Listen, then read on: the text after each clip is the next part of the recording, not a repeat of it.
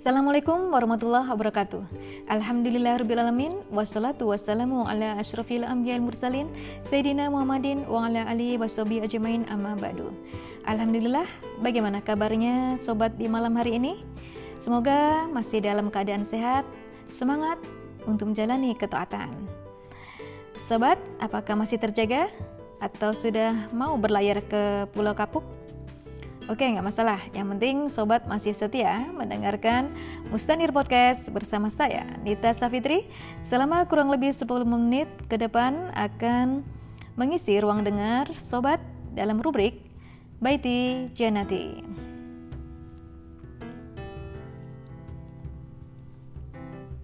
Sobat, e, tentunya masih terngiang di dalam benak kita berita adanya seorang public figure yang menemani anak-anaknya ketika menonton konten porno. Dia beralasan melakukan hal demikian untuk tidak disebut sebagai orang tua yang kolot, kaku, dan tidak mengikuti perkembangan zaman yang semakin modern. Apakah pensikapan publik figur tersebut dibenarkan? Waktu itu banyak yang e, mempunyai pendapat pro dan kontra. Mereka yang pro berpendapat bahwa itu terserah, ya, itu adalah hak dia sebagai orang tua e, terhadap anak-anaknya. Sementara yang kontra menganggap apa yang dilakukan public figure tersebut sebagai hal yang berbahaya. E, mereka beranggapan bahwa konten porno itu adalah konten yang negatif yang bisa merusak bagi anak itu sendiri dan lingkungan sekitarnya. Nah, kalau kita lihat ya, pensikapan orang tua dan anak-anak tadi termasuk ke dalam hal yang menganggap kemodernan ya, itu sebagai suatu hal yang uh, harus diambil semua gitu ya. Dan kalau kita lebih uh, spesifik nanti kemasuk ke dalam bahasan uh, moderasi agama ya. Nah, uh, bagi sobat yang belum mengetahui apa itu moderasi beragama, uh, mari kita akan mengajak sobat uh, untuk membahas uh, artikel yang berjudul Menjaga Anak dari Bahaya Moderasi Agama yang ditulis oleh Bibing Nur Aini. Sobat yang sudah menjadi ayah bunda, anak adalah amanah Allah SWT yang sangat berharga, yang patut kita syukuri. Anak wajib kita asuh dan didik hingga pada akhirnya kita pertanggungjawabkan di hadapannya. Kita wajib menjaga anak kita. Kita wajib memastikan tak ada satupun bahaya yang mengancam anak kita, baik bahaya fisik maupun bahaya pemikiran. Saat ini banyak pemikiran rusak dan berbahaya mengancam anak-anak kita. Salah satunya adalah moderasi beragama. Sering disebut dengan moderasi Islam. Moderasi Islam dibuat sebagai bagian dari rencana busuk barat untuk mendeideologisasi Islam. Mereka berupaya menjauhkan umat Islam dari pemahaman Islam sebagai ideologi. Islam jelas tidak hanya sebagai ajaran ritual, namun juga memancarkan berbagai aturan hidup disertai dengan metode penerapannya. Masifnya moderasi ini diharuskan telah membuat sebagian umat Islam terjebak. Banyak yang akhirnya mengadopsi pemikiran ini dan menganggapnya sebagai ajaran Islam. Padahal moderasi Islam adalah ajaran kufur. Ajaran ini mengajak muslim untuk bersikap moderat, yaitu sikap kompromis dan jalan tengah. Atas nama toleransi dan moderasi, umat Islam harus mengakui bahwa semua agama adalah benar. Padahal ini jelas menyalahi akidah Islam. Hal ini seperti tercantum dalam Quran surat Ali Imran ayat 19. Atas nama toleransi dan moderasi pula, sekolah-sekolah negeri tak boleh menetapkan seragam muslimah bagi para siswinya. Larangan ini semakin membuktikan bagaimana moderasi adalah ancaman bagi umat Islam untuk menetap untuk menerapkan ajaran agamanya sendiri. Demikianlah atas nama toleransi dan moderasi, umat Islam perlahan namun pasti dipaksa untuk mau berkompromi dengan pemikiran dan aturan kufur. Berkompromi dengan sistem kufur. Ini sama saja mencampurkan al-haq atau kebenaran dengan al-batil atau kebatilan. Perbuatan ini jelas melanggar larangan Allah SWT dalam Quran Surat Al-Baqarah ayat 42. Nah, sobat, eh, bagaimana anak eh, terhindar dari moderasi agama? Sobat yang sudah menjadi ayah bunda, eh, anak-anak bisa terpapar pemikiran moderasi setidaknya dari dua jalan, yaitu rumah dan sekolah. Ketika di rumah, Pemikiran moderasi masuk melalui berbagai acara televisi yang dikemas dalam bentuk film, sinetron, acara anak-anak, program belajar, dan lain-lain. Bisa juga dari berbagai buku bacaan, baik majalah, komik, novel, dan lain-lain. Juga bisa masuk melalui gadget yang selama pembelajaran jarak jauh ini selalu setia menyertai anak-anak. Adapun di sekolah, moderasi agama masuk melalui pembelajaran di kelas dari buku atau modul-modul yang harus dibaca anak, dari berbagai tayangan saat pembelajaran, bahkan masuk juga di kegiatan rohis, ekstrakurikuler seperti pramuka dan lain-lain. Tak aneh jika moderasi beragama sangat masif diaruskan di sekolah-sekolah. Pasalnya, pemerintah Indonesia memang telah memasukkannya dalam Rencana Pembangunan Jangka Menengah Nasional atau RPJMN 2020 sampai 2024. Berbagai program moderasi beragama pun dibuat. Moderasi masuk menjadi kurikulum wajib baik di sekolah umum maupun sekolah agama atau madrasah, juga di pondok-pondok pesantren. Nah, sobat, bagaimana sih e, anak yang berkarakter moderat? Moderasi akan melahirkan anak-anak berkarakter moderat, yaitu inklusif, toleran, dan sekular.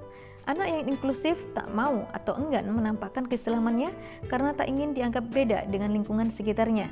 Jika berkerudung akan membuat tampak berbeda dengan teman-temannya, maka ia akan melepas kerudungnya. Atau kalaupun memakai kerudung, ia akan memilih kerudung ala kadarnya, seperti yang dikenakan teman-temannya, bukan kerudung yang menutup aurat dengan benar. Anak yang moderat akan sangat toleran dengan kemaksiatan, yang diwujudkan dengan sikap tak peduli, bisa jadi ia anak yang taat ibadah. Sholat fardu tak pernah ia tinggalkan. Namun ia tak akan ia akan membiarkan teman-temannya tidak sholat. Ia akan membiarkan temannya atau siapa pun melanggar syariah.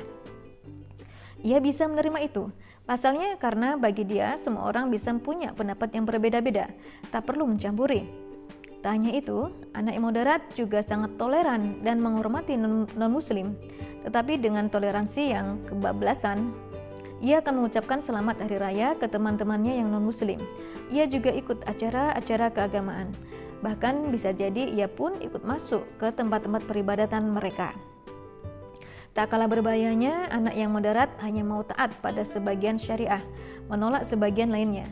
Bisa jadi ia taat menjalankan ibadah ritual seperti sholat, puasa, serta menghiasi diri dengan berbagai sifat akhlak mulia, seperti dermawan, baik hati, jujur, dan lain sebagainya. Namun ia menolak taat pada aturan-aturan Islam lainnya yang berkaitan dengan masalah ekonomi, politik, pergaulan, dan lain-lain. Mereka pun dijadikan agen moderasi. Anak-anak yang seharusnya menjadi pejuang dan pembela Islam akhirnya terjerumus menjadi pembela dan pejuang pemikiran kufur, menjadi pejuang moderasi. Bahkan anak-anak ini dibentuk menjadi penghadang kebangkitan Islam dan tegaknya khilafah. Sobat, eh, terus bagaimana menjaga anak agar terhindar dari bahaya moderasi agama? Ada beberapa hal yang bisa sobat lakukan untuk menjaga anak yang eh, terpapar moderasi agama. Yang pertama, membentengi anak dengan Islam yang sohih atau benar, baik dari akidah maupun syariah. Sobat yang sudah menjadi ayah bunda e, harus berusaha menghunjamkan keimanan bahwa Islam adalah agama yang paripurna, mengatur urusan dunia dan akhirat, bukan sekedar spiritual. Tak ada agama serta sistem kehidupan yang terbaik kecuali hanya Islam. Siapa pun yang mencari selain Islam, amalnya akan sia-sia dan di akhirat pun akan merugi seperti dalam firman Allah Quran Surat Al-Imran ayat 85. Kemudian ajaklah anak-anak untuk mengkaji Islam sebagai ideologi, bukan sekedar ilmu pengetahuan. Mengajari mereka agar terikat dengan syariat Islam secara keseluruhan atau kafah. Dengan terikat pada syariat Islam, mereka akan mampu menilai baik buruk berdasarkan ajaran Islam. Mereka pun lambat laun akan mampu membentengi dirinya sendiri dari moderasi Islam ataupun pemikiran berbahaya lainnya. Kemudian yang kedua, menyiapkan anak untuk menjadi agen Islam kafah, penghancur moderasi agama. Sobat yang sudah menjadi ayah bunda, harus membangun kesadaran anak akan pentingnya dakwah menyampaikan kebenaran Islam. Kita bisa memulainya dengan memisahkan anak untuk berani berbicara, menyampaikan pendapat mereka kepada kita, lalu kemudian menyampaikan kepada teman-temannya. Terus pupuk keimanannya dan bangun kepeduliannya. Dengan itu, ia tak akan berdiam diri terhadap kemaksiatan. Ia akan terdorong menyampaikan kebenaran, sekalipun bisa jadi tak semua orang menyukainya. Ajarkan cara menyampaikan dengan bahasa asan dan mudah dimengerti serta dipahami. Dengan bertambahnya usia, ajarkan pula cara berdakwah melalui tulisan, video, maupun sarana-sarana lainnya di berbagai media massa, terutama media sosial yang saat ini menjadi sarana yang sangat efektif untuk dakwah Islam.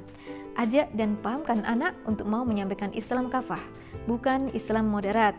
Terus tanamkan kepada anak-anak sikap berpihak pada Islam dan membela Islam. Ajak dan libatkan mereka dalam dakwah Islam demi tegaknya syariah dan khilafah.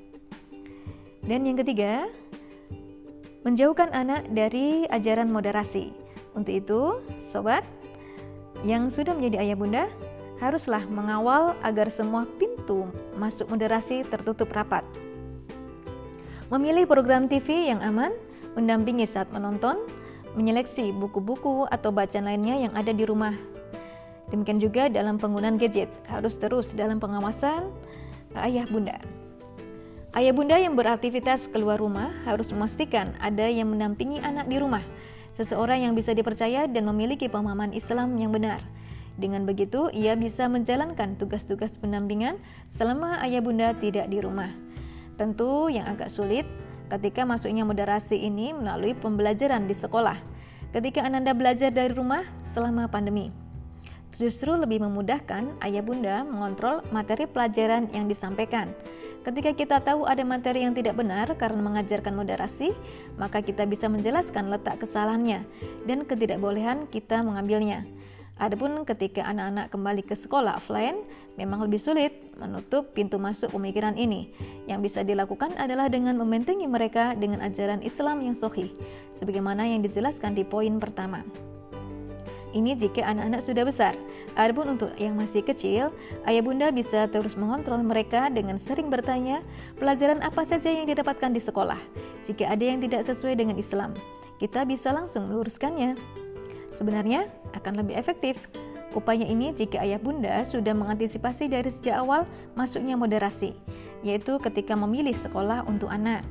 Pilihlah sekolah yang menerapkan kurikulum pendidikan berbasis akidah Islam Sekalipun tetap saja ada celah masuknya moderasi di sekolah tersebut, pastinya lebih kecil peluang masuknya dibanding sekolah-sekolah lainnya. Ya, itulah uh, kiat-kiat atau cara-cara uh, bagaimana agar sobat yang sudah menjadi ayah bunda bisa menghindarkan anak-anaknya untuk terhindar dari paparan moderasi beragama. Semoga bermanfaat. Wassalamualaikum warahmatullahi wabarakatuh.